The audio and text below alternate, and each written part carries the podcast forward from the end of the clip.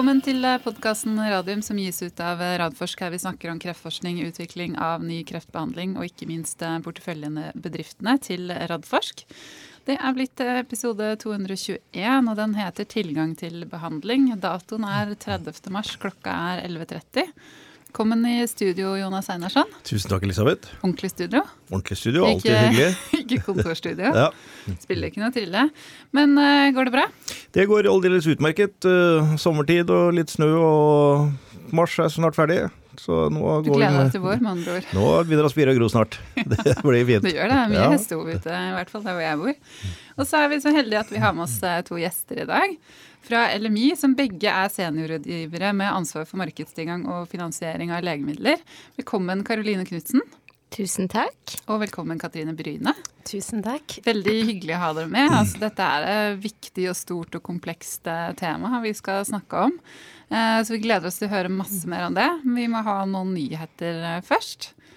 For da kom holdt på å si, Noen på Twitter har skrevet 'endelig', mens andre er vel litt sånn nyheten om at uh, Per Valdai, CEO i PSI Biotech, uh, trekker seg, eller går av. Han har fått seg ny jobb. Han skal jo lede et nytt selskap som heter Exact Therapeutics, tidligere Phoenix Solutions. Ja. ja. Hva tenker du om dette, da? Nei, jeg tenker at det var sikkert greit for Per. Han vet jeg har fått relativt mye press og kanskje ikke alltid like hyggelige meldinger etter at eh, dessverre PCI måtte legge ned eh, release-studien. Hvilket neppe var vel Per Voldeis sin skyld. Så jeg syns, ønsker Per absolutt all lykke til i den nye jobben, og syns han det har vært eh, mye motgang for PCI underveis. Det har vært diverse grunner. Per har stått på og virkelig gjort en, en god jobb, etter, etter, min mening, men med mye uheldige omstendigheter. Så jeg ønsker han lykke til. Mm. 14 år har han vært leder i, i PC, og det ja. står det jo respekt av, da. Det gjør det. Utholdende. Virkelig utholdende. Eh, og det er jo et spennende selskap han skal videre til som så de har spunnet ut av GE Healthcare. Og, og, jeg skjønte også ut fra den pressemeldingen som de hadde sendt ut, at dette er jo en teknologi som Per har jobbet med der når han var i GE Healthcare. Så det høres ut som en veldig fin match.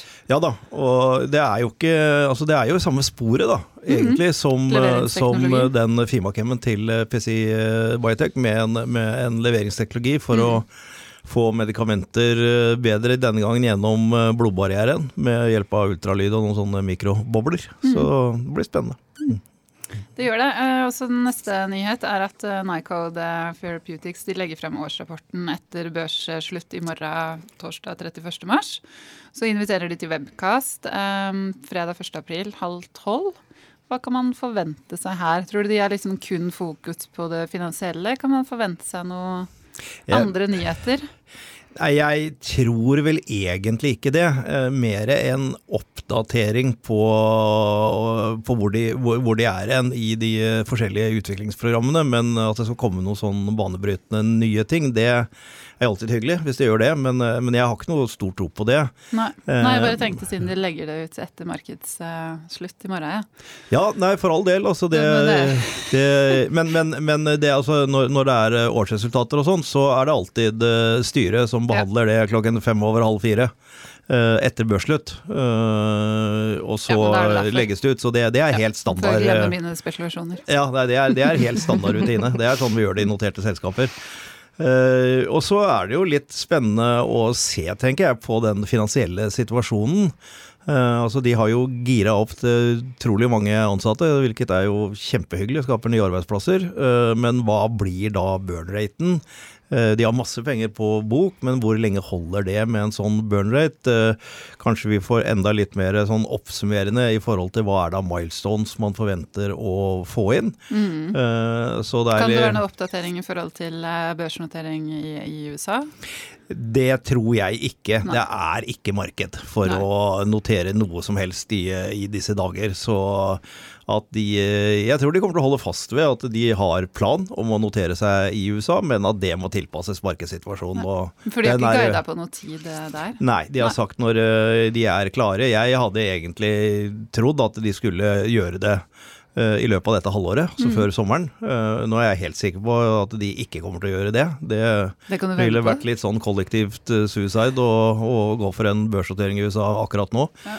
Eh, Men eh, hvem vet, eh, markedet kan snu i løpet av sommeren, og, og det ser vi at disse når, når markedet kommer tilbake etter sånn vi har vært igjennom nå, først pandemien og så denne forferdelige krigen i Ukraina, så går det fort, og da benytter du momentet. Så jeg ville tippe og, tro at med, med det management og det styret der, så er de hva skal jeg kalle det, Nasdaq ready.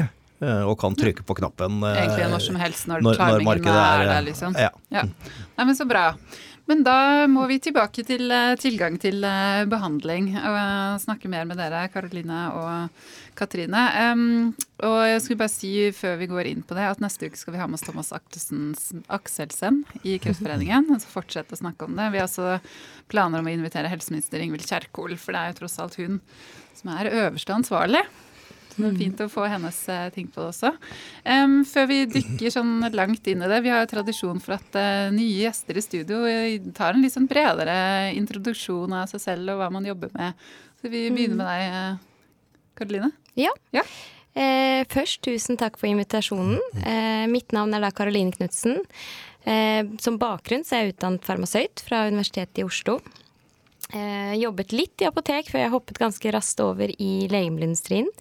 Eh, jeg har da vært ni år i et legemiddelselskap hvor jeg har hatt ulike funksjoner og roller innenfor salg, marketing og da market access nå på slutten. Så jeg har vært med og lansert nye legemidler eh, i Norge. Eh, hatt ansvar for eh, innsendelse av metodevurderinger til Legemiddelverket, prisforhandlinger med sykehusinnkjøp og anbud. Så kjenner godt til finansieringssystemet og egentlig de utfordringer som ligger der. Så etter ni år så hoppet jeg over da inn i Legemiddelindustriforeningen, eh, hvor jeg da har ansvaret for å jobbe mer bredere og overordnet med tilgangssystemene i Norge. Mm, så Det der er jo en del å ta for seg der, som vi skal snakke mye mer om. Ja, Men det høres det ut som da du har på en måte sett dette her fra innsiden på, på et stort globalt legemiddelfirma. Ja. Mm, så bra. Katrine? Ja, eh, Katrine Bryne heter jeg. Jobber jo sammen med Karoline på markedstilgang i eh, LMI. Jeg har en litt eh, annen bakgrunn. Jeg har en master i eh, bioentreprenørskap fra Karolinska instituttet, og jobb, begynte å jobbe faktisk med forskning og utviklingen i Legemiddelindustriforeningen. Eh, og jobba da med kliniske studier og, og næringsutvikling da i nesten fem år. Hvor jeg hoppet av og jobba eh, som konsulent i et teknologiselskap som heter Bearing Point. Og jobba da mye med faktisk e-helse, både innenfor offentlig og, private privat eh, næringsliv. Eh, men så gikk jeg tilbake igjen da, eh, etter rett over et år til Legemiddelindustriforeningen og da jobbet med markedstilgang. Så jeg har jo en litt annen eh, bakgrunn, men eh, har jobba med politiske politisk eh, og på embetsverket tidligere. Men veldig spennende å kunne få jobbe liksom med dette feltet og, og virkelig få bedre tilgang til pasienter. Mm. Så bra. Eh, og si litt grann også innledningslys om hva, hva Legemiddelindustriforeningen, altså LMI, kan vi si videre nå for kort. hva, hva, hvem, hvem er dere, og hva gjør dere? Hva bringer dere til torgs? Ja, Legemiddelindustriforeningen er jo en forening for eh, legemiddelindustrien i Norge. Eh, så totalt så er det 64 eh, medlemmer eh, i LMI. Hvor det strekker seg fra de store globale selskapene til, eh, til mer gründer- og oppstart, eh, oppstartselskapene, da. Så, Og det er jo så fint at vi både har eh, norske oppstartsselskaper samt òg eh, de store globale internasjonale selskapene. Så kort fortalt så er vi jo en, en bransjeforening som jobber for å forbedre rammevilkår for hele næringen. da. Alt fra det som går på forskning og utvikling til markedstilgang. Så vi er jo en eh, ja, jobber mye politisk og overordna Ja. på rammevilkår. Mm. Du har gjort mye samarbeid med oss i Radforsk eh, opp gjennom tiden. Bare på kliniske studier og andre ting. Gjort mye spennende på Arendalsuka. Planlegger nok et møte om helsenæring sammen på Arendalsuka. Det er jo et litt sånn utømmelig tema, dette her. Absolutt. Ja. Og det er veldig fint at vi har så godt samarbeid med dere, og ikke minst Oslo Cancer Cluster og alt det som rører seg her oppe. Så det er jo veldig viktig, eh, viktig for oss. Ja, Mm. så bra. Um, hvis vi da går eh, litt sånn inn i materien her da, med markedstilgang og, og finansiering av, av nye legemidler i Norge. Altså, eh, kanskje skal, kan vi begynne med at dere gir oss liksom hva er status på det feltet i dag? Altså, hvordan ser, ser dette ut i dag? Mm. Ja, det er også et ganske sånn stort spørsmål, men vi kan, vi kan begynne Bryte med det ned. Ja, bryte Ja. det ned. Vi har med oss litt statistikk. Eh, nei, For det første så finnes det jo flere typer analyser som tar for seg tilgjengeligheten av nye legemidler i Norge, sammenlignet med andre, andre land. Eh, og LMI tok selv initiativ til å bestilte en rapport for ca. et år siden fra IQVIA som har sett litt nærmere inn på dette. Eh, hvor vi har sammenlignet da tilgjengelighet i form av salg eh, med Norge og ni andre referanseland som vi vanligvis bruker når vi, når vi setter priser. Og da ser man jo eh, på denne analysen at Norge ligger på en syvendeplass eh, eh, i form av tilgjengelighet. Og hvis man ser på alle nye eh, produkter som fikk en EMA-godkjennelse i perioden 2015 til 2019, så ser man at ca. 30 er ikke tilgjengelig i Norge, som er et nokså høyt tall. Og dette var i 2021, da, altså for ett år siden. Og det er spesielt da innenfor de legemene som ikke er tilgjengelige, så ser man at dette er spesielt innenfor kreft, men også eh, sjeldne sykdommer. Eh, jeg vet ikke om Vi har jo også litt statistikk på beslutninger. Ja, så vi, en, eh, vi gikk gjennom alle beslutninger i- gjennomført av Beslutningsforum i fjor, og da ser vi at antall avslag økte fra 34% i 2020 til 41% i 2021. Eh, og igjen, det var jo veldig i tråd med det som IQVIA òg fant, at det er jo hovedsakelig innenfor eh, for sjeldne sykdommer eh, og onkologi at man ser eh, eh, at man ser mest avslag. Så, så status, vi har jo vært veldig opptatt av å liksom få på plass et nytt eller kunnskapsgrunnlag, fakta, i form av tall, hvordan, når du spør om hva er status, hvordan er ståa. Så det vi ser både gjennom den IQV-analysen, antallet avslag i beslutningsform, de trendene vi ser, så ser vi jo egentlig kort fortalt at det tar lengre tid for norske pasienter å få tilgang til nye innovasjoner. Der er òg begrensa tilgang i form av at det ikke alle nye innovasjoner som faktisk blir tilgjengeliggjort i Norge. Eh, og vi mener jo at det skyldes jo at vi har et beslutningssystem, nye metoder, som ikke er rigga for den eh, nye medisinske utviklingen som skjer så raskt. At man er på en måte står fast og har et veldig rigid system. Vi kommer sikkert litt tilbake til flere punkter senere òg i spørsmålene. Men som ikke hensyntar Altså, myndighetene har ikke hensyntatt den medisinske utviklingen eh, som skjer så raskt, som gjør at produkter eller nye legemidler står og stamper egentlig i systemet. Men begrunnelsen da for å ikke ta disse behandlingene i bruk, ikke sant? du sier det er innenfor kreft, innenfor sjeldne sykdommer, hva er begrunnelsen da? Ja, det, er jo, det er jo egentlig litt det, det Katrine her allerede er inne på. Eh, Den medisinske utviklingen går, går fort. Eh, Og spesielt så ser man jo at man kanskje står overfor et paradigmeskifte fra man før hadde legemidler som var til større pasientpopulasjoner, til at mer nå blir persontilpasset og avanserte eh, terapier. Så, så for å svare på det spørsmålet, så så er det jo tilbake til eh, hvordan systemet i dag er rigget. Det er satt opp eh, for egentlig å håndtere mer eh, legemidler som kommer for de større kroniske gruppenivå. Den er ikke eh, rigget for å håndtere de mer persontilpassede medisinene. Litt sånn den der gamle blockbuster-tankegangen, liksom. Ja. Du fikk noe som var saliggjørende for en større, større pasientgrupper. Ja, og det er jo også noe som vi så i Nå regner jeg med vi kommer innom det, men evalueringen som Proba samfunnsanalyse har gjort, de konkluderer jo også med det at eh, systemet i dag er nok kanskje ikke rigget for å håndtere spesielt av persontilpasset medisin. Og så ser vi jo også at vi gikk jo gjennom avslagene eh, av Beslutningsforumet. da var det jo 95% av tilfellene hvor det var høy pris og stor usikkerhet. Og det med usikkerhet, det er jo litt sånn som du sier, Karoline, at man får jo i dag legemidler godkjent på mer begrensa dokumentasjon. Sant? Man har jo kanskje studier som er kun enarma, man har jo ikke de store fase tre-studiene lenger. Så, så på en måte det utfordrer jo òg den tradisjonelle helseøkonomiske beregningene man gjør. Eh, og det med usikkerhet eh, ser man jo òg ofte at det, Og de, når man begrunner avslagene i beslutningsformen som noe Proba har tatt opp, at man bør gi en mer grundigere begrunnelse for avslag, for nå er det bare høy pris, stor usikkerhet. Ja. Men hvilken usikkerhet, og hvordan skal vi jobbe sammen for å bedre hvordan skal vi håndtere den usikkerheten, for den er kommet, kommet for å bli. Eh, men, så der er vi i dialog med myndighetene om, om hvordan dette skal i større grad håndteres. da. Ja, det, jeg tror dette bunner i akkurat det dere sier. Uh, og det er ikke så lenge siden, det er noen år siden nå, men eh, Vi hadde Bent Høie her i studio, eh, og på et direkte spørsmål om eh, helsemyndighetene var forberedt på paradigmeskiftet med persontilpasset medisin, så svarte han helt ærlig nei. Det er vi ikke. Og det var på en måte Da var vi litt sånn midt inne i paradigmeskiftet. Eh, Så det var i grunn forståelig. Men det som ikke er forståelig, det er at de er i nøyaktig samme situasjon i dag, mens paradigmeskiftet har skjedd. Ja. Og dere har helt rett i at uh, når de vurderer dette, så sitter de med litt flåste, men jeg mener det, med de samme Excel-arka som de brukte når de be beregna verdien av en ny kjemoterapi, som kanskje hadde en uh, medium uh, survival som var tre måneder bedre enn det forrige. Og da var det fort gjort å se at ok, det kan, da kan vi legge på 10% på prisen i forhold til det.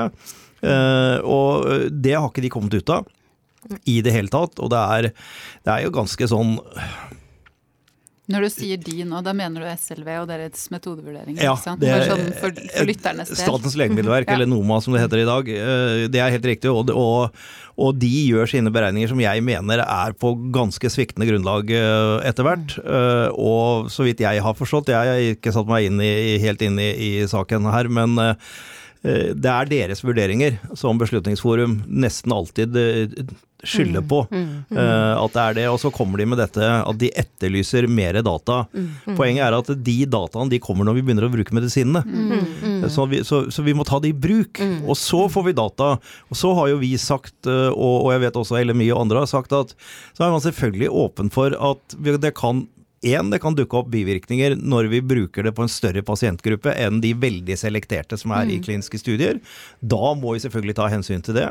Vi har jo sett at medikamenter blir trukket tilbake. Vi har en helt veldig nytt eksempel nå på disse såkalte PI3K-produktene, som det har både at det er noen svakheter ved hvordan de har kommet fram til dataene sine, og noen bivirkninger. Og da må man kanskje trekke det uh, ut ifra det. Eh, og så får man da effektdata mer etter hvert, så man gjør en vurdering. Men at man da skal si at vi i Norge ikke kan ta det i bruk på våre pasienter, altså på kreftpasienter. Og dette på at kreftmedisiner i hvert fall fram til nå har stort sett vært brukt på de som ikke har altså nye medikamenter, på de som ikke har noen annen behandling. Nå endrer det seg også. Nye medikamenter kommer kanskje både i andre og første linje når de kommer på markedet. Og desto verre at de ikke blir tatt i bruk. Og så sier de til, eh, til Nå skal ikke jeg ta hele her, men, men eh, dette er, brenner jeg litt for. du plutselig langt, langt inne i en monolog her, her altså. Men da får selskapene, selskapene får melding tilbake at dere må skaffe mer data. Ja. Eh, Ja, og det gjør de ved at det er pasienter i andre land som Ja. får tilgang til medisinen, mens de i Norge ikke gjør det. Nå skal jeg ville gjestene få lov til å snakke. Nei, men det er et veldig jeg vil bare si det er et veldig godt poeng du trekker frem. Eh, for det er jo også noe vi har eh, fokusert mye på i både innspill gjennom evalueringen eh, og det arbeidet vi gjør i LMI, er jo dette med bruk av real world evidence-data og aksept for det. Eh, og som du sier, at i Norge så Som det kan se ut også fra dataen, da, at man ligger noen år, eller at man ligger forsinket da, eh, på tilgang til nye medisiner, er at de ikke tar det i bruk, men heller venter på at de får mer data Ja. før pasientene får tilgangen. Og de aksepterer ikke bruk av real world evidence. Så det er en utfordring eh, som ikke er lett løselig. Nei, og så, ja, så tenker jeg jo liksom det Birgit altså Vi må se på nye måter for risikodeling. Eh, gjennom, altså Sånn som du sier at ja, man, man har mindre data ved godkjenning. Sånn, sånn er det blitt. Eh, og spesielt òg, man har jo nye legemidler for svært sjeldne sykdommer, og man må ta i bruk for å kunne se mer eh, effekt. Og da må man òg ha eh, hva skal jeg si, motivasjon til å kunne òg ta en, kanskje en større risikodeling up front. Man må kunne se på mer alternative avtaler. Man kan kunne òg ha, okay, ha en reevaluering når man får mer data etter tatt i bruk. Ok, Har man vist bedre effekt enn det man hadde eh, ved innføring? Er det dårligere effekt? Men da må man òg kunne ha avtaler som justerer for det. Eh, og ikke være så nervøse, for vi opplever at myndighetene, og vi skjønner og anerkjenner at det er komplekst å håndtere veldig mange nye alternative avtaler. Eh, for her må du både ha klinikere med som skal rapportere, man skal kunne følge opp og sikre at alt eh, blir gjort, men man må i hvert fall prøve i større grad enn det vi opplever i dag. Og det må være en større villighet og en aksept for, for den type deling, da, risikodeling, som, eh, som, som disse nye innovasjonene òg fordrer at man man gjør. Mm. Ja, for Hvis man ser på sånn som dere sier det, sånn som denne IKVIA-rapporten yeah. eh, viser, er jo at man sammenligner seg med land som det er naturlig å sammenligne seg med, og så havner man jo ganske langt nede. Altså, hvor, hva er liksom Er man mer konservative i Norge? Eh, og så har jeg skjønt det går også på, dette her med pris. ikke sant? Man ønsker eh, større rabatter av, av legemiddelfirmaene. Og så er det også dette her med den særnorske dokumentasjonen. Da man krever mer dokumentasjon. Men, men det er jo en litt sånn eh, etisk spørsmål i dette her også. Da, at vi som liksom verdens rikeste land skal sitte og se på at man tar i bruk eh, medisiner i andre land, og så skal vi sitte der og vente på dataene og se om vi etter det skal vurdere. Det er, ja, det er mange ting der. Ja. Altså, innlednings... Altså, kanskje det som vi har sett på, er jo at eh, om Norge er sannsynligvis kanskje litt mer konservativ, eller eh, så ser vi i hvert fall at andre lands myndigheter, uh, f.eks. UK og NICE, er mer, vil jeg påstå, foroverlente, pragmatiske og og, og ser på en måte ok, hvordan skal vi endre oss, hva er nødvendige justeringer vi må gjøre. Og har òg uh, hatt, uh, hatt en åpen høring uh, nesten uh, med, med stakeholdere. Og det skulle vi gjerne ønske òg at myndighetene, Legemiddelverket her i Norge kunne tatt initiativ initiativ til.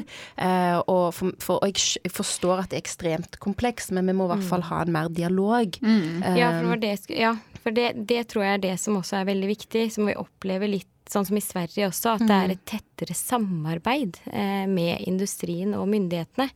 Eh, mens her så oppleves det veldig som at eh, det, er, det er liksom myndighetene skal finne løsningene, og så skal de foreslå løsningene, så skal vi eh, på en måte levere på det. Og det blir litt feil rekkefølge. Eh, Ja. Vi burde heller satt oss ned sammen for å se på de gode løsningene. Eh, altså jeg tror det er viktig. Vi har diskutert dette før, og vi hadde en kronikk i Aftenposten for noen år siden også om dette med, med Og da var det virkelig skyttergraver, altså. Eh, det har i hvert fall bedret seg noe mm, nå. Men det er helt riktig at jeg ser at gjennom mange av selskapene våre, som, og disse små selskapene, som har da løpende kontakt med legemiddelmyndighetene i USA, FDA, og i Europa, EMEA.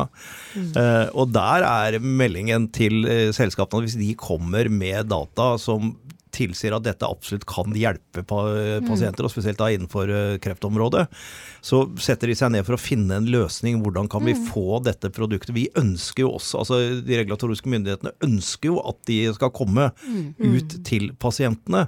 Eh, Så det er litt med å Det er som når du skal forhandle en avtale, du kan ikke sette deg ned og diskutere pris eller sånne enkelte terms i en avtale hvis du ikke har satt deg ned og blitt e- enige om hvilke prinsipper legger vi til grunn. Og da er det samarbeid, det er pasientene vi skal ut til.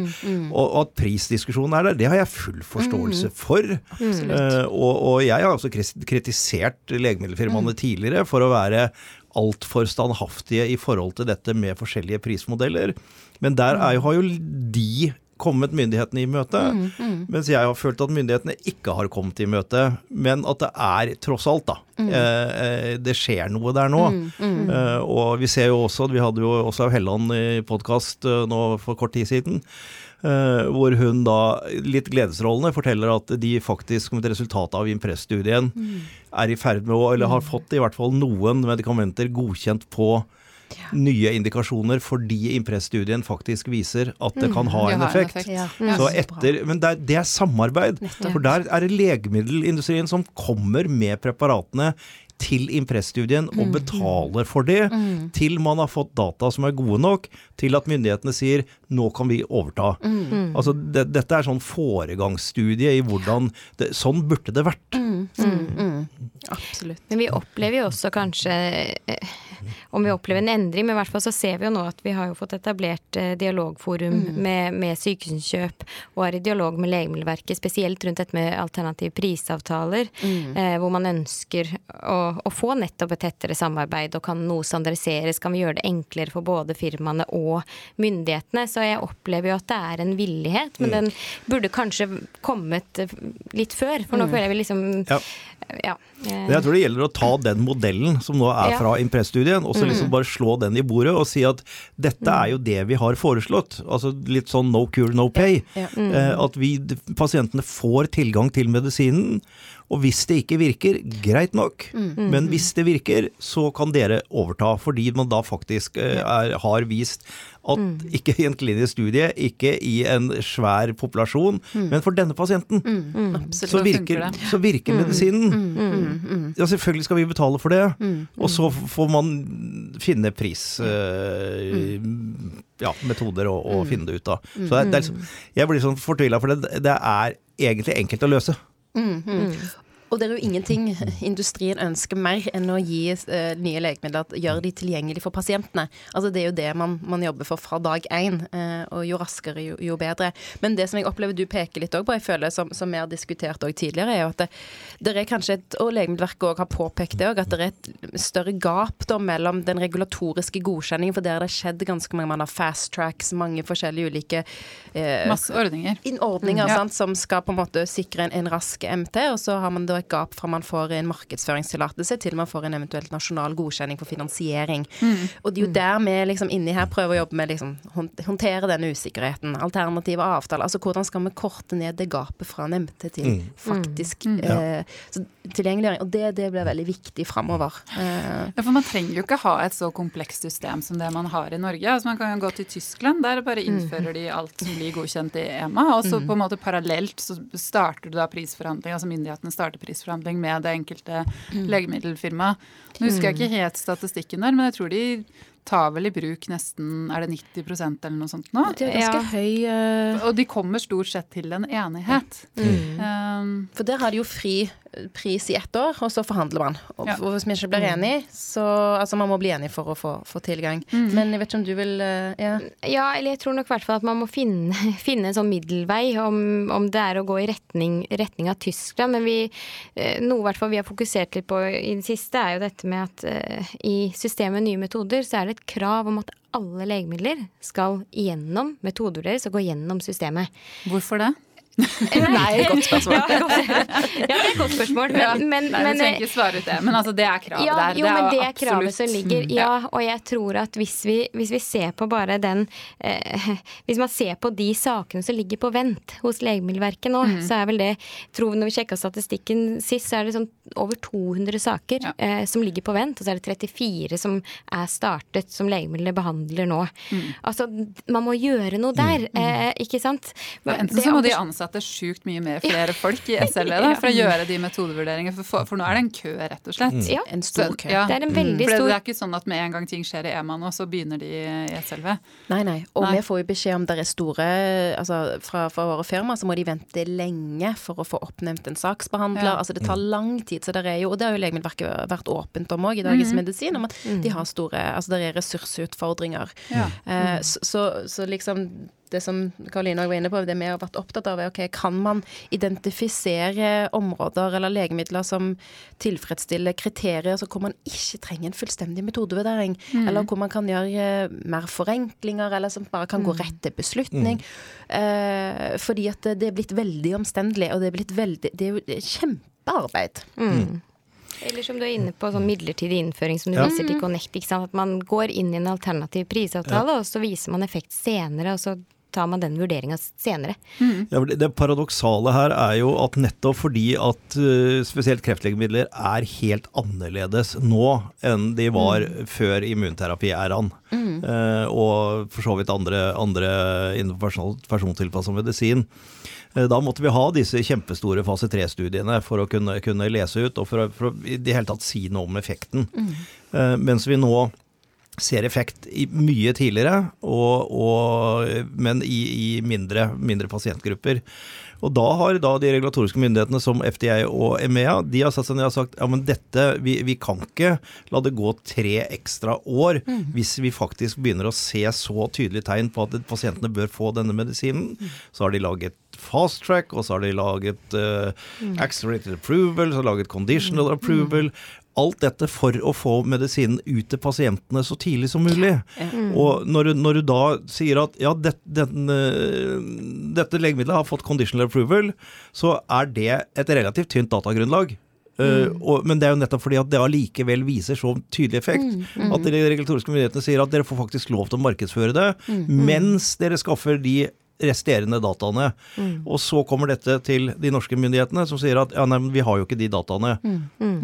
Mm. Det, det, blir et paradoks. Ja. ja. Og da blir man stående litt sånn. Uh, ja. ja. Um, så, så, det er jo der vi er jo veldig opptatt av, altså, litt sånn som du viser til uh, Connect og, og, Impress og det samarbeidet der. Altså mm. hvordan kan vi gå sammen om å, å, løse mange av de utfordringene. For jeg forstår jo at myndighetene må ha uh, kostnadskontroll, de må ha på en måte en oversikt over hva som blir innført, og det er jo veldig den, altså prinsippet om at lik tilgang er jo veldig fin i Norge. Sant? At når man sier ja, så skal alle få. Mm. Og det er jo noe som er viktig. Mm. Men, så vi skal ikke liksom gå på bekostning av det, men vi må være kanskje litt mer Gå mer i dialog og finne ut hvordan vi kan få raskere eh, tilgang til, mm. til uh, nye legemidler. Uh, og det er jo veldig spennende, sånn som du sier, at det er jo den måten Altså, eh, den medisinske utviklingen har jo har vært så stor nå, og det går så raskt, at det er jo litt sånn Ja, det, vi står jo oppe i mye forskjellig kompleks situasjon, men det er jo litt sånn spennende å stoppe i den tiden. Hvordan skal vi nasjonalt tilrettelegge for at, for at disse nye innovasjonene skal komme mm. pasientene til gode raskest mulig? Det, ja. Hvis du ser liksom baksiden på dette, så er det jo alle disse medieoppslagene med enkeltpasienter da, som man ser som kunne ha fått en, fått en behandling. Det mm. har man jo hatt masse av siden nye metoder ble innført i 2013, var det vel. Mm. Uh, men det som også er det nye der, er at tidligere så var det jo kun kreftpasienter. Altså nå er det jo også pasienter innenfor MS eller spinal muskelatrofi eller, eller cystisk fibrose har jo vært en veldig sånn Mm. Oppe, oppe, i mediene. Og jeg tenker Det også reflekterer jo den der medisinske utviklingen mm. som skjer. Her har det også kommet nye metoder. De er dyre, og så får man den der usikkerheten. Og så er det den kost-nytte-effekten som skal, man skal gjøre en avgjørelse for.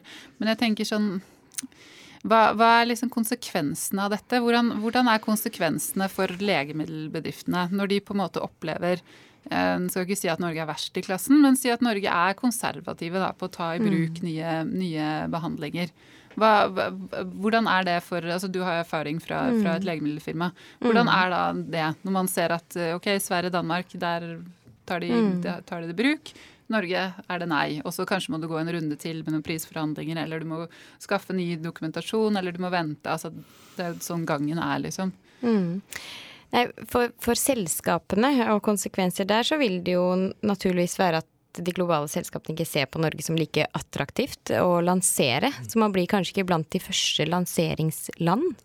Eh, eh, og som på lengre sikt, når man ikke tar i bruk nye innovasjoner, så vil det jo kunne påvirke investeringene firmaet gjør innenfor forskning og utvikling gjennom kliniske studier. At ikke det legges til, mm. til Norge. Og, og, kanskje i verste fall så er det, og det har vi jo også sett, at eh, kontorer i Norge blir nedbemannet. Eh, man mister kompetansen eh, vi bringer i Norge, da. Ehm, så, så, det er klart det at på lang sikt så, så kan det få veldig store konsekvenser for, for Norge. Mm. Og det er stikkord til deg, da, Einarsson. For vi er jo opptatt av helsenæring.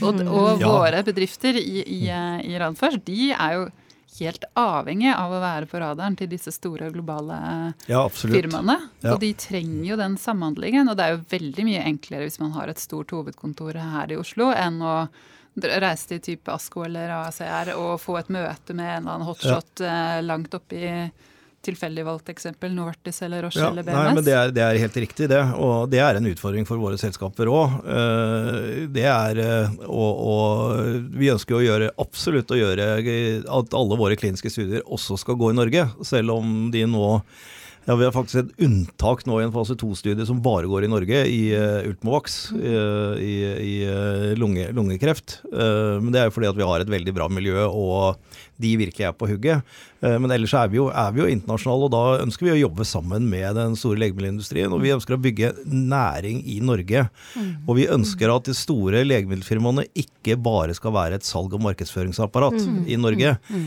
Vi ønsker så mye at de også skal være med å drive forskning i, i Norge. Eh, det har det vært lite av, men vi har noen. Og vi ser også en økende interesse nå, rett og slett fordi at vi har et veldig bra miljø her i Norge.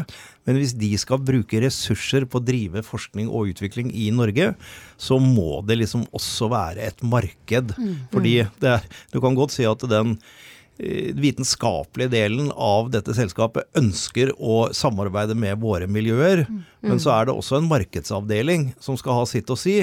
Og, begge, og den markedsavdelingen sier at det, det er helt håpløst å bruke ressurser i Norge fordi det er så konservativt, og vi har ikke noe øh, gjennomslag for det.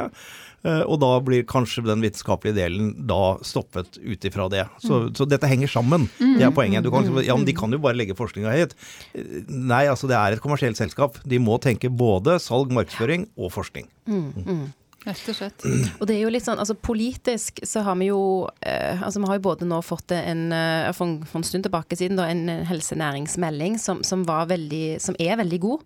Eh, som, som trekker opp mye av de linjene der vi skal satse på, på helsenæring og forskning og utvikling og, og se dette i en sammenheng. Og så har vi jo de legemiddelpolitiske målene som er veldig førende for legemiddelpolitikken, de fire.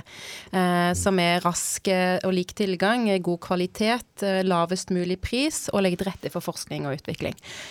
Men, men vi ser jo når det Og det er jo gode mål. Det er kjempegode mål. Men blir de brukt? Ja, det er jo der liksom dette kommer Der, de, der på en måte jeg føler de slår litt sånn eh, De, eh, de står litt imot hverandre. Da. Så det er når, når lavest mulig pris-målet blir vekta så tungt. Og det sier jo altså Politikerne sier selv, og det er et enstemmig altså, storting som har vedtatt at disse målene skal bli eh, balansert, og de skal bli veid opp mot hverandre. Men når det ene målet, lavest mulig pris, får veie såpass så tungt eh, som vi ser eh, når det kommer til tilgang, så slår jeg det litt bein under eh, det med helsenæring. For det, alt henger jo sammen med alt. Eh, så det Ja. Og vi òg ønsker jo veldig at eh, kunne ha en bredde, at de store selskapene kan ha en forskning- og utviklingsavdeling, at vi har alt her i Norge, for det er jo viktig kompetanse. Ja. Eh, og vi sitter jo her i et, sånt, et bygg hvor det er forskerlinje, og på en måte det er så viktig eh, utdanning. Biotech-bedrifter, store etablerte bedrifter. Det er jo mye snakking over kaffemaskiner, og Ja, ja. enkelt å ta møter. Altså, jeg bare tenke på de der synergiene som man trekker ut av det. Når vi ser liksom på den derre fordi vi har så kort geografisk avstand, da. Ikke sant? Det er så ekstremt mye enklere å, å få til ting. Ja, det er et annet poeng du sier der. Når du nevner disse fire, ikke sant, så er det lavest mulig pris, og så sier du lik tilgang. Det systemet vi har i dag, det gir ikke lik tilgang. Altså, det, vi, vi har et todelt helsevesen i Norge Ja. i dag, Ja. eh, hvilket ingen av oss ønsker. Nei. Men det er helt klart at hvis det kommer ny medisin som er godkjent av EMEA, av FDA, tatt i bruk i hele resten av verden, og koster kanskje 300 000-500 000 kroner, så er det noen få som faktisk har råd til å kjøpe den medisinen. Og det er ikke vanskelig i det hele tatt, fordi vi har private aktører som med svært gode, kvalifiserte folk kan tilby denne behandlingen. Eh, problemet der har jo vært, og som da kritiseres også, det er at hvis en pasient får da en ny immunterapi som er godkjent, og som er helt lovlig å kjøpe i Norge, blir behandlet på en privatklinikk og får en alvorlig bivirkning. Da er liksom den motforestillingen der at og ja, så det skal det offentlige helsevesenet ta seg av. Ja, det skal de. De skal ta seg av alle som blir syke, Ja. uansett av hvilken grunn. Så det blir en sånn håpløs dobbel agenda eh, måte å argumentere på. Eh, Så det er liksom Og det synes jeg helsemyndighetene må ta inn over seg. At de har etablert et todelt helsevesen i Norge, og de stilltiende så godtar de det. Og det er jo litt de Ja. tallene du viste til innledningsvis. Altså, Ja, vi, vi så jo også på det i den IQ-analysen. Av alle de legemene som ikke var tilgjengelig, eh, så så vi jo at eh, mange av de var allikevel tatt i bruk. Selv Ja. om de hadde nei i Beslutningsforum, så var de tatt i bruk. Så det viser jo nettopp det du sier, at eh, eh, pasienter tar det i bruk i privat eh, sektor. Så vi har et todelt helsevesen, og da må vi bare passe oss på passe på nå da, at ikke det sklir mer ut. Vi må, Ja. vi må få tilbake det som også er ambisjonene eh, til politikerne. Og da må vi tilgjengeliggjøre legemidlene. For det er det jo ingen som ønsker i Norge. Nei. Vi ønsker jo et sterkt norsk eh, offentlig helsevesen Ja. hvor Mm. alle kan komme og få den beste, beste behandlingen. Absolutt. Men da må man jo ta i bruk, eh, ta i bruk den nye behandlingen også. Jeg vet jo også på Medtech-siden så er ikke dette her bare bare det der heller. Bare for å, for å bringe inn delen. delen. Men um, eh, jeg ser vi, vi prater og prater, og det er kjempebra. så men det er bare noen spørsmål som jeg har lyst til at vi skal komme innom før vi, før vi um, blir helt ferdig. Og så kan vi snakke litt om, om dette med pris. Fordi mm. altså, pris på ny behandling, det, altså, det, det, den er jo høy, den er dyr. Så hvis vi begynner med den først. Altså, hva, hva kan legemiddelfirmaene gjøre i forhold til det der med pris? Altså, hva diskuterer man der internasjonalt? Vi skal ha med oss Thomas fra Kreftforeningen neste uke. Jeg vet at de er jo veldig engasjert i dette her på europeisk grunnlag, med Ingrid Stensvold Ross som leder et sånt nytt europeisk Jeg tror det er snakk om prissamarbeid, eller mm. Forum for prissamarbeid, rett og slett. Men hva, hva er deres liksom, take on den?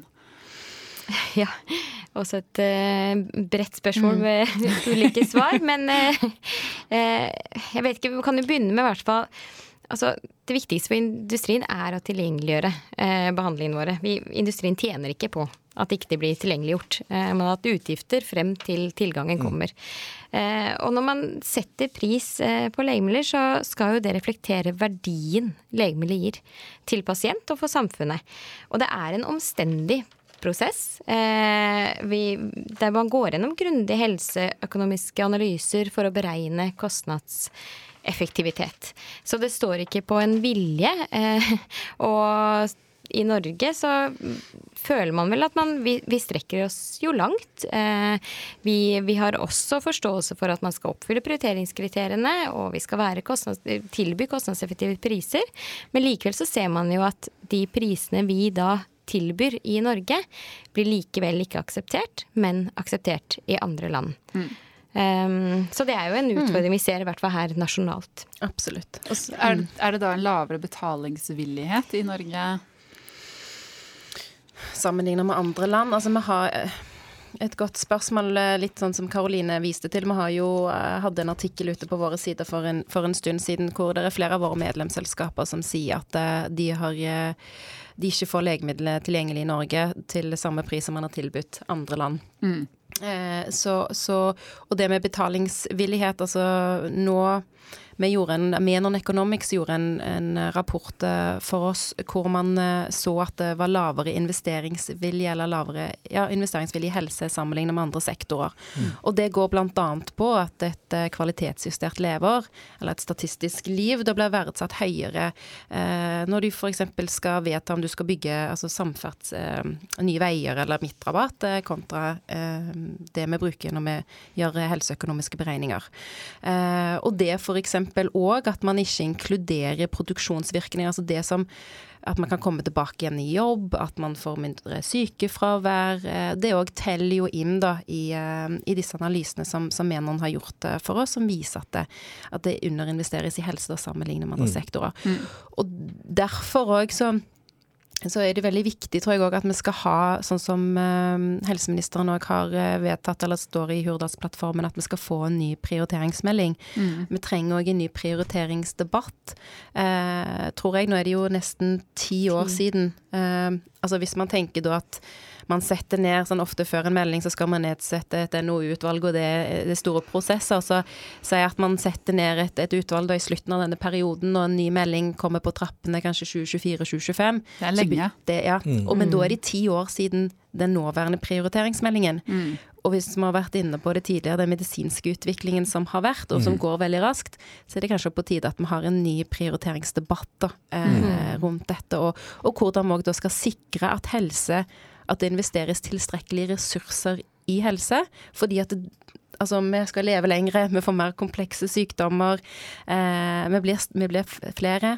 Så, så, så, vi gleder oss til den, eller jobber veldig nå med den debatten. Og jeg tror det er òg viktig at vi tar en diskusjon rundt ressurser eh, og ressursprioritering òg inn i, i helsetjenesten. Mm. Mm. Ja, for jeg var på et møte for ikke så lenge siden, og det var noen som refererte til sånne OECD-tall på at Norge investerer vanvittig mye, altså, eller mest, i, i helse, men mm. minst i bruk av på, på legemidler. Jeg tror mm. sånn Innkjøp og sånn i Norge ligger vel på at eh, innkjøp på legemidler ligger på en 6-7 mm. av det mm. totale helsebudsjettet. Men så går du til Tyskland igjen, da så er det vel sånn rundt 12 mm. Og den 6-7 den har ligget der lenge. Den er jo ikke prisjustert eller tatt høyde for at det, liksom, det er kommet, som dere sier, da. Man skal jo ha betalt for den, for den utviklingen man har gjort. Ta CAR-T, liksom. Det, Nei da, det er, det, er, det, er, det er, helt riktig at den ikke har endret seg noe. Så det at, liksom, at legemidler eh, har blitt så dyre at vi bruker mye mer på det, det, det er ikke sant, Nei. rett og slett. Den, den har ligget rundt 7 eh, så lenge jeg kan huske. Eh, Jeg er veldig enig med deg at den prioriteringsdebatten bør tas opp igjen, og vi må ta hele vår tankesett om hvordan, spesielt innenfor kreftbehandling, hvordan medisiner virker. Eh, Når vi diskuterer pris, så har man kanskje noen data på gjennomsnittlig forlenget eh, levetid, eller eh, det vi kaller for progression free survival, altså hvor lenge de har vært uten tilbakefall. Eh, og det har vært noen modeller som vi har måttet bruke tidligere. Med våre nye medisiner nå, så betyr ikke et tilbakefall at pasienten dør. Eh, Vi, vi ser ofte at det kan være et tilbakefall, men så stabiliserer det seg. Eh, Så kommer det kanskje en annen medisin inn som har kommet ny fordi vi fikk forlenget pasientens levetid så lenge at det kommer en ny en.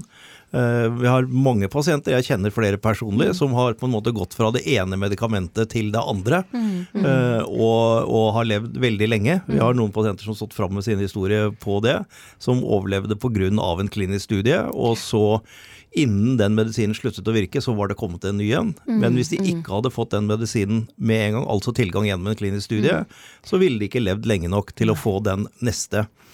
Og så vet vi også at i immunterapi, der dreier alt seg om denne berømte halen. Eh, som gjør at disse kurvene, overlevelseskurvene ser helt annerledes ut. Og hvis man da sier at det å behandle en pasient, eh, eller en pasientgruppe, 100 pasienter, og så fem år etterpå, så er det kanskje nå mellom 30 og 50% av de, i, som vi tidligere hadde vært kanskje 2% som hadde overlevd etter fem år, så er det den verdien for de pasientene. Eh, og jeg vet at eh, industrien, og jeg sier alltid det også for, på en av våre selskaper, vi kan aldri liksom snakke om the big C, altså the, the cure, at vi kurerer pasienter. Men jeg satt senest i går i et styremøte i Radforsk med en av de ledende klinikerne våre her på huset.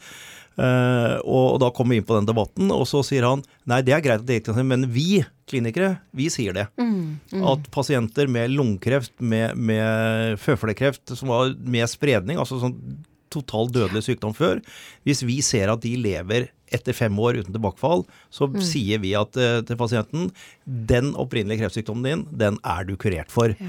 Og da får pasienten plutselig en normal levetid. Og hvis du da tar den millionen vi brukte for fem år siden, og deler ut over resten av pasientens levetid For det er, det er jo ikke sånn at kreftpasienter er stort sett 75-80 år gamle og dør i løpet av tre år. Mm. Sånn som det i stor grad var tidligere. Vi lever veldig mye lenger. Så vi må ha hele den samfunnsøkonomiske debatten opp igjen. Begynne med den, og så kan vi gå tilbake og snakke pris. Ja. Ja. Ja. Nei, eh, der er jo vi selvfølgelig veldig, veldig enig. eh, Og det er jo litt det som Katrine nevnte her, når vi eh, fikk Menon til å gjøre en rapport på liksom sammenligne helsesektoren med andre sektorer, så er det jo nettopp det vi ser. I andre sektorer så bruker man et samfunnsperspektiv. Mens innenfor helse så har vi et utvidet helseperspektiv. Så, så, så det er mange av de eksemplene da at vi, vi må eh, inkludere det i regnestykkene eh, i fremtiden. Mm, så må vi se også, liksom så du trekker opp verdien av et legemiddel altså i en mer helhetlig kontekst, og ha den, ta det med oss inn i prioriteringsdebatten. Og så tror jeg det er veldig viktig at vi òg har en prioriteringsmelding som favner hele helsetjenesten. Det ikke kun blir en prioriteringsmelding kun på legemidler, men Nei. at vi ser alt i en, Ja. i en Det er så mye mye andre ting også, Ja. ikke sant. Det tror jeg er kjempeviktig. Og så litt tilbake til tiden det er 6-7% altså at legemidler utgjør og har ligget stabilt på mellom 5 og 7 da, eh, av de totale helseutgiftene. Altså det som må glemme litt, når vi hører ofte politikere eller myndigheter som sier skal vi ta i bruk et nytt legemiddel, så velter det hele budsjettet. Men det man glemmer i den diskusjonen, er at man, man snakker liksom om livsløp eller livssyklusen til et legemiddel. For vi har jo en gitt tid på patent. Så går man av patent, kommer det generisk konkurranse som presser prisene lavt ned. Man har jo òg andre prisreguleringer i form av kostnadskontroll fra myndighetene i form av anbudsutsetting, trinnpris. Sånn at det, eh, og, og Sykehusinnkjøp er jo ute og sier at man, her har man spart x antall millioner gjennom å anbudsutsette det. Så det òg blir litt sånn jeg føler vi må nyansere den debatten litt. Mm. Eh, så det var bare et lite sånn innspill. Ja, men jeg er helt eh, enig. Og du åpner egentlig en dør som jeg ikke tror vi skal Nei. gå inn i. Nei, nei, nei. I forhold til den der forfordelingen som jeg også hører en Ja. del eh, sier, at hvis vi gjør, tar i bruk denne medisinen til disse pasientene, så kan vi ikke gi tilsvarende god eh, helsetilbud til, til disse andre, andre. pasientene. Og akkurat den der å sette pasientgrupper opp mot hverandre, det, det, akkurat den retorikken der, altså den, ja, jeg ser Einarsen riste på hodet. Ja, det Vi, er, vi må ikke åpne den døra nå. Men Ikke i det hele tatt. men klinikerne sier jo selv sjøl igjen, så Ja, ja, jeg vet. Men klinikerne sier jo sjøl at det ikke er tilfellet. Nei, det er jo ikke det. sånn Det er jo ikke sånn det det- fungerer. Nei. Nei. Nei, og bare, jeg skulle bare si én ting, Elisabeth. Og det er dette pasienteksempelet jeg hadde i stad. med disse, Av, av disse 100 pasientene, kanskje 30-40-50 av de lever i veldig mange år. Hva gjør de da? De er yrkesaktive, de jobber, de betaler skatt. De er en del av å holde samfunnsmaskiner i gang. Men så lenge ikke det er den samme som betaler som sparer, Nettopp. så får du det ikke inn i et samfunnsøkonomisk helhetsbilde. Nå skal jeg gi meg. Mm, det er bra. Men Bare helt sånn på slutten, for det nevnte helt i starten, Karoline, at vi har jo hatt denne evalueringen av nye metoder eh, ved Proba. Og den ble vel høytidelig overrakt til eh, helseminister Ingvild Kjerkol i november, var det vel. Eh, hva har skjedd etter den eh, evalueringen? Altså, for den viser jo til, den viser til mye ting. Jeg har, jeg har printet den ut, den var så tjukk, så jeg skal ikke dra, skal ikke dra sånn stort der. Men altså det, det mest alvorlige der syns jeg var jo den der mangelen på tillit mellom aktørene. Som, det, og det lover ikke godt man skal ha en gang, en, ha en, en gang i en dialog. Og så er det jo nettopp det som dere har påpekt med statistikken, det tar for lang tid. Vi er for konservative. Det er få, eh, altså færre legemidler sammenlignet med andre land. Men, men hva har man på en måte Hva har man gjort? Hva har man tatt tak i? Ja.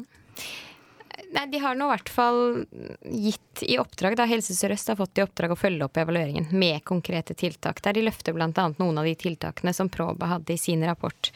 Så, øh, så vi sitter nå egentlig og venter litt på å bli eh, invitert inn da, eh, til å samarbeide om å implementere bedre løsninger. Så vi har sagt vi sitter klare. Men det har, sånn som vi har sett det, så har det ikke skjedd så mye ennå. Nei. Men de skal nå legge frem en rapport 1. oktober på dette arbeidet, så vi håper jo snart vi får uh, høre noe. For nettopp det du trekker opp, at uh, det kom så tydelig frem en mangelfull tillit, eh, så er i hvert fall ikke løsningen å lukke dørene, og at de nå sitter og utarbeider løsningene. Nå må vi sitte sammen rundt samme bord og komme frem til gode løsninger sammen. For vi har mange innspill, og her er det et system hvor leverandørene er såpass eh, involvert da, i de prosessene som skjer, at eh, vi må sette oss ned sammen. Og jeg tror ikke vi har råd til å ikke gjøre nødvendige endringer, ref det vi var litt inne på tidligere, med, med et voksende todelt helsevesen. Og, og, og, så jeg tror at man, man må sette i gang. Og man har brukt et år på å evaluere systemet, som kom fram til veldig mange viktige funn. Eh, og nå må vi operasjonalisere de, og, og faktisk se de, de endringene. Mm. For per dags dato så har vi det samme systemet. Ja. Ja. Mm. Og hvis man da skal i, i, i verste fall da skal vente på en prioriteringsmelding, som du sier Katrine kommer i 2024-2025, med det samme systemet Men det, må, det er jo noen lavthengende frukter. Det er jo en del ting man kan, kan gjøre her, altså basert på dialog. Eh, ja. Ja.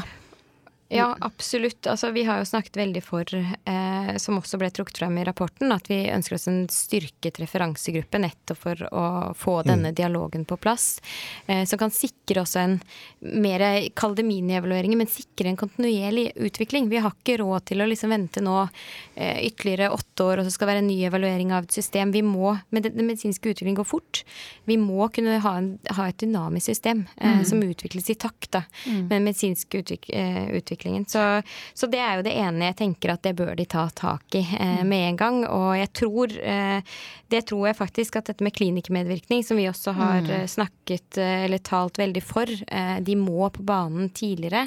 Eh, og det er jo et av de tiltakene de skal ta tak i, og det kan godt hende at de har begynt med uten at vi kjenner til det. Men det, det er det vi forventer av sånne raske eh, tiltak eh, og en bedre dialog. Jeg tror det blir kjempeviktig å skille hva kan man ta tak i nå, Ja. og, og løse, ja, og hva må trekkes opp i et lengre eh, prioriteringsperspektiv. Og der eh, har jo Ingvild Kjerkol òg uttalt at du skal se disse to i sammenheng, men jeg tror det er veldig viktig å på en måte at det ikke går for lang tid. Uh, her må vi se hva kan man trekke ned, sånn som du er inne på. Mm. Nei, for Hvis du allerede nå har et system med lav tillit, og man på en måte har fått en rapport som peker på at her er det lav tillit, og så på en måte tar det lang tid før du får, på en måte får gjort noe, det, det øker jo ikke tilliten, Nei. for å si det sånn.